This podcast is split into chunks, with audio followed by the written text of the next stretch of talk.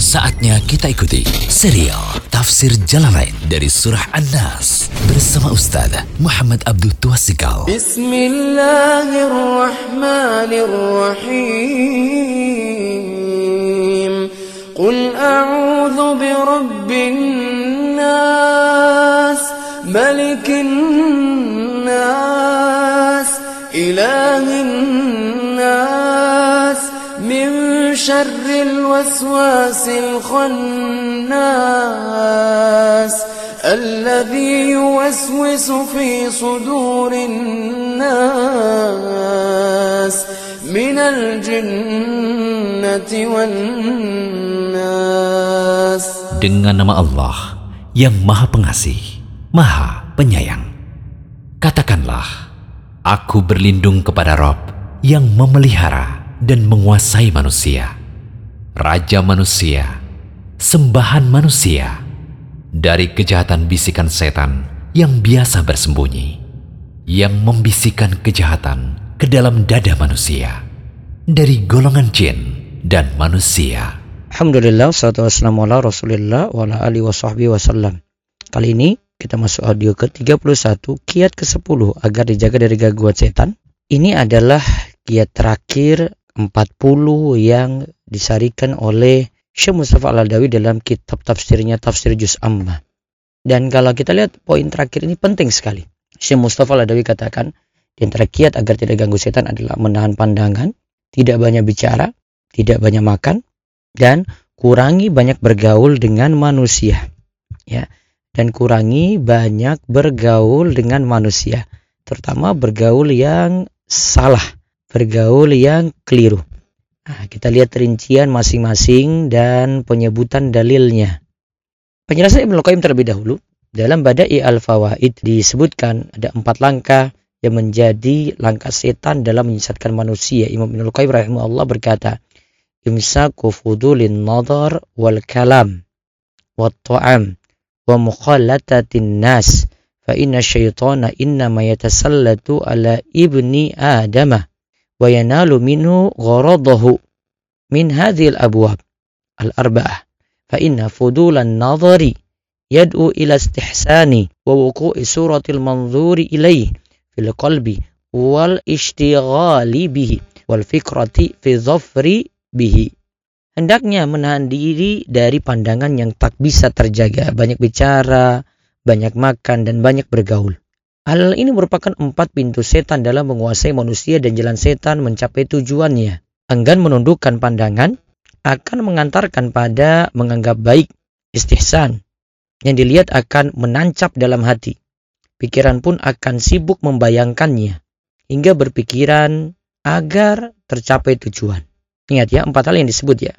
Pandangan yang tak bisa dijaga, banyak bicara, banyak makan, banyak bergaul.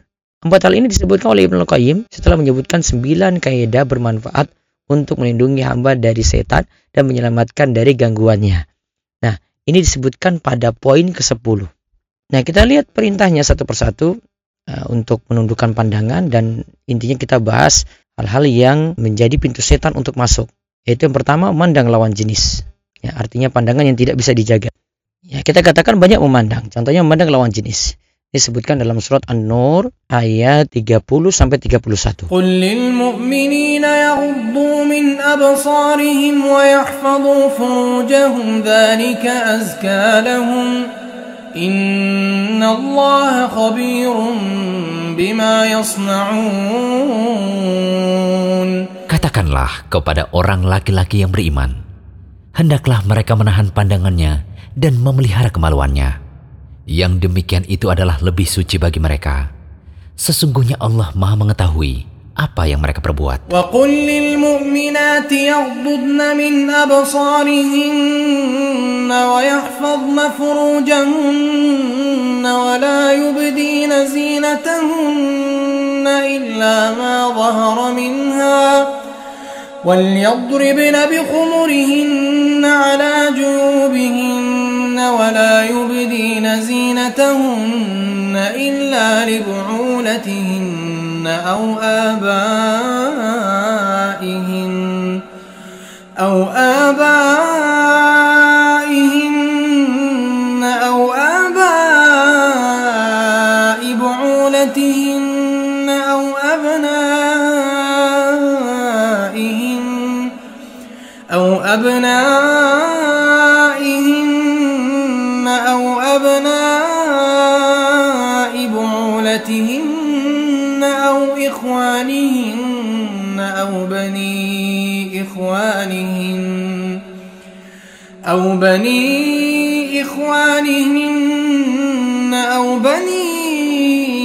أخواتهن أو نسائهن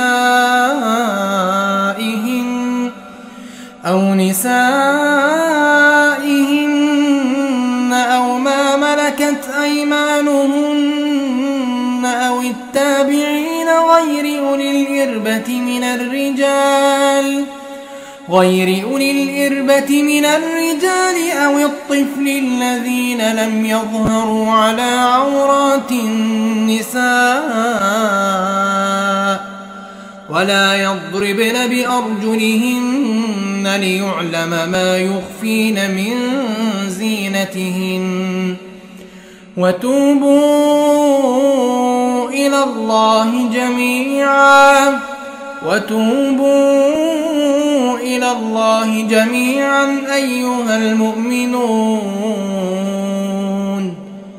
أيها المؤمنون لعلكم تفلحون Katakanlah kepada wanita yang beriman, hendaklah mereka menahan pandangannya dan kemaluannya. Dan janganlah mereka menampakkan perhiasannya kecuali yang biasa nampak daripadanya. Dan hendaklah mereka menutupkan kain kudung ke dadanya, dan janganlah menampakkan perhiasannya kecuali kepada suami mereka, atau ayah mereka, atau ayah suami mereka, atau putra-putri mereka, atau putra-putri suami mereka, atau saudara-saudara laki-laki mereka, atau putra-putri saudara lelaki mereka, atau putra-putri saudara perempuan mereka, atau wanita-wanita Islam, atau budak-budak yang mereka miliki, atau pelayan-pelayan laki-laki yang tidak mempunyai keinginan terhadap wanita, atau anak-anak yang belum mengerti tentang aurat wanita. Dan janganlah mereka memukulkan kakinya agar diketahui perhiasan yang mereka sembunyikan. Dan bertobatlah kamu sekalian kepada Allah, hai orang-orang yang beriman, supaya kamu beruntung. Nah, di situ intinya diterangkan agar kita laki-laki maupun perempuan menundukkan pandangan pada lawan jenis. Kecuali untuk beberapa orang yang dikecualikan. Nah, kemudian kedua banyak bicara dari Muaz bin Jabal radhiyallahu anhu ia berkata bahwa Nabi Shallallahu alaihi wasallam bersabda, "Sakilatka ummuka wal yakubun nas fin nari ala wujuhim aqal ala manakhirihim illa hasaidu alsinatihim." Semoga ibumu kehilanganmu Kalimat ini maksudnya adalah untuk memperhatikan ucapan selanjutnya. Nah, tidaklah manusia tersungkur di neraka di atas wajah atau di atas hidung mereka melainkan dengan sebab lisan mereka. Hadis riwayat Tirmizi dan Ibnu Majah.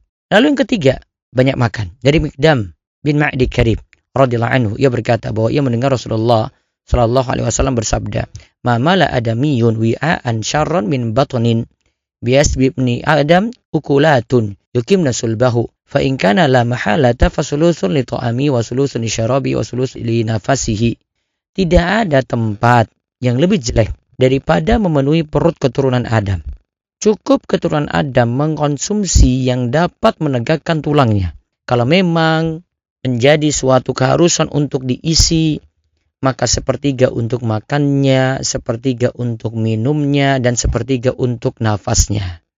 Hadis riwayat Ahmad, Tirmizi, Ibnu Majah. Dan sesuai Al-Arnaud mengatakan bahwa perawi hadis ini sikoh terpercaya. Nah Ibnu Rajab rahimahullah mengatakan manfaat dari sedikit makan bagi baiknya hati adalah hati akan semakin lembut, pemahaman semakin mantap, jiwa semakin tenang, hawa nafsu jelek tertahan, dan marah semakin terkendali. Hal ini berbeda dengan kondisi seorang yang banyak makan. Ini disebutkan dalam Jami Ulu Ulum Walikam. Lalu tentang banyak bergaul. Adapun bergaul ada beberapa bentuk. Disebutkan oleh Ibnu Qayyim ada empat. Kami ringkaskan eh, perkataan Ibnu Qayyim ini dalam Badai al-Fawaid. Pertama, bergaul seperti orang yang membutuhkan makanan. Artinya terus dibutuhkan setiap waktu. Kita kan butuh makan. Maka di sini contohnya adalah bergaul dengan para ulama. Kemudian yang kedua, Bergaul seperti orang yang membutuhkan obat. Dibutuhkan ketika sakit saja ya. Kalau sehat ya tidak dibutuhkan lagi. Contohnya adalah bentuk muamalat, kerjasama, berdiskusi, atau berobat saat sakit. Nah, itu dibutuhkan saat perlu saja. Maka ada bentuk bergaul seperti ini. Ada bentuk bergaul yang ketiga itu bergaul yang malah mendapatkan penyakit. Misalnya, kata Ibnu Qayyim ada penyakit yang tidak dapat diobati, ada yang kena penyakit bentuk lapar, ada yang kena penyakit panas sehingga tak bisa berbicara gitu. Ada yang bergaul malah dia itu seperti mendapatkan penyakit. Kena jelek saja. Kemudian yang keempat, ada bergaul yang malah mendapatkan racun. Nah ini lebih parah lagi. Contohnya adalah bergaul dengan ahli bid'ah dan orang sesat. Serta orang yang menyesatkan yang lain dari jalan Allah. Yang menjadikan sunnah itu bid'ah atau bid'ah itu menjadi sunnah. Menjadikan perbuatan baik sebagai kemungkaran dan sebaliknya. Nah, setelah menyebutkan empat hal tadi dan Ibnu Qayyim punya pembahasan sendiri tentang itu, ya, walaupun mungkin ada dalil-dalil yang beliau bawakan lemah, tetapi empat hal ini tersimpulkan dari berbagai macam dalil. Setelah itu Ibnu Qayyim katakan dalam Badai al-Fawaid, juz kedua, siapa yang tersadarkan dengan menjaga diri dari empat hal yang merusak, yaitu siapa yang tersadarkan dengan menjaga diri dari empat hal yang merusak, yaitu apa? Yang merusak sini adalah tidak menjaga pandangan, banyak bicara, banyak makan, dan banyak bergaul, padahal empat hal ini adalah yang merusak alam. Lalu ia menempuh sembilan langkah untuk menjaga diri dari godaan setan tersebut. Maka ia berarti telah mendapatkan taufik, mencegah dirinya dari pintu jahanam, dan membuka pintu rahmat. Nah, sepuluh sebab yang disebutkan oleh Ibnu Qayyim tadi, agar terlindung dari eh, dari gangguan dan kejahatan setan, yaitu sebenarnya eh, sepuluh halnya itu berikut ini. Yaitu pertama, minta perlindungan kepada Allah dari godaan setan. Yang kedua, membaca surat Al-Falaq dan surat An-Nas. Yang ketiga, membaca ayat kursi. Yang keempat, membaca surat Al-Baqarah. Yang kelima, membaca dua ayat terakhir dari surat Al-Baqarah. Yang keenam, membaca awal surat Ghafir Al-Mu'min hingga ayat ketiga. Bersama dengan ayat kursi. Yang ketujuh, membaca la ilaha illallah wahdahu la syarikalah lahul mulku wa lahul hamdu wa huwa ala kulli syai'in qadir sebanyak 100 kali pada pagi hari maka akan terlindungi hingga sore. Kemudian yang kedelapan memperbanyak zikir kepada Allah. Yang kesembilan, wudhu dan sholat. Yang kesepuluh, menahan diri dari banyak memandang, banyak bicara, banyak makan, dan banyak bergaul yang salah. Nah, ini yang disebutkan oleh Ibnu Qayyim dalam Bada'iul Fawaid. Jadi, kalau disebut oleh Ibnu Qayyim ada 10 poin. Namun, Syekh Mustafa Al-Dawi kembangkan jadi 40 poin seperti yang telah kita bahas. Nah, kalau kita mau merinci, memang benar-benar nyata apa yang dinyatakan oleh Ibnu Qayyim. Dosa-dosa itu berasal dari empat pintu setan. Ya, dosa-dosa itu berasal dari empat pintu setan. Yaitu pertama, pandangan yang tidak dijaga akan mengantarkan pada perbuatan zina dan perselingkuhan. Karena mata tidak bisa dijaga, bisa jatuh dalam zina. Banyak bicara tidak menjaga omongan akan mengantarkan pada suka menfitnah dan menggibah. Ya. Kemudian yang ketiga, banyak makan berarti mengurus perut akan mengantarkan orang pada makan harta haram. Yang penting harta diperoleh dengan cara apa pun walaupun dengan cara menzolimi orang lain. Melakukan goror, pengelabuan, hingga memakan riba. Kemudian salah bergaul. Berakibat mendapatkan lingkungan yang jelek akhirnya menjadi pecandu narkoba dan minuman keras. Nah, 40 giat ini menjaga diri dari gangguan setan ini disarikan dan dikembangkan dari atas sil, ta'wil at-tanzil, tafsir juz amma, fi su'al wal jawab, karya Syekh Mustafa Al-Adawi. Wallahu alam bisawab. Selesai tafsir surat An-Nas dengan 40 poin kiat menjaga diri dari gangguan setan. Semoga manfaat. Demikian serial Tafsir Jalalain dari Surah An-Nas bersama Ustaz Muhammad Abdul Tuasikal. Kunjungi terus situs rumaisurutkom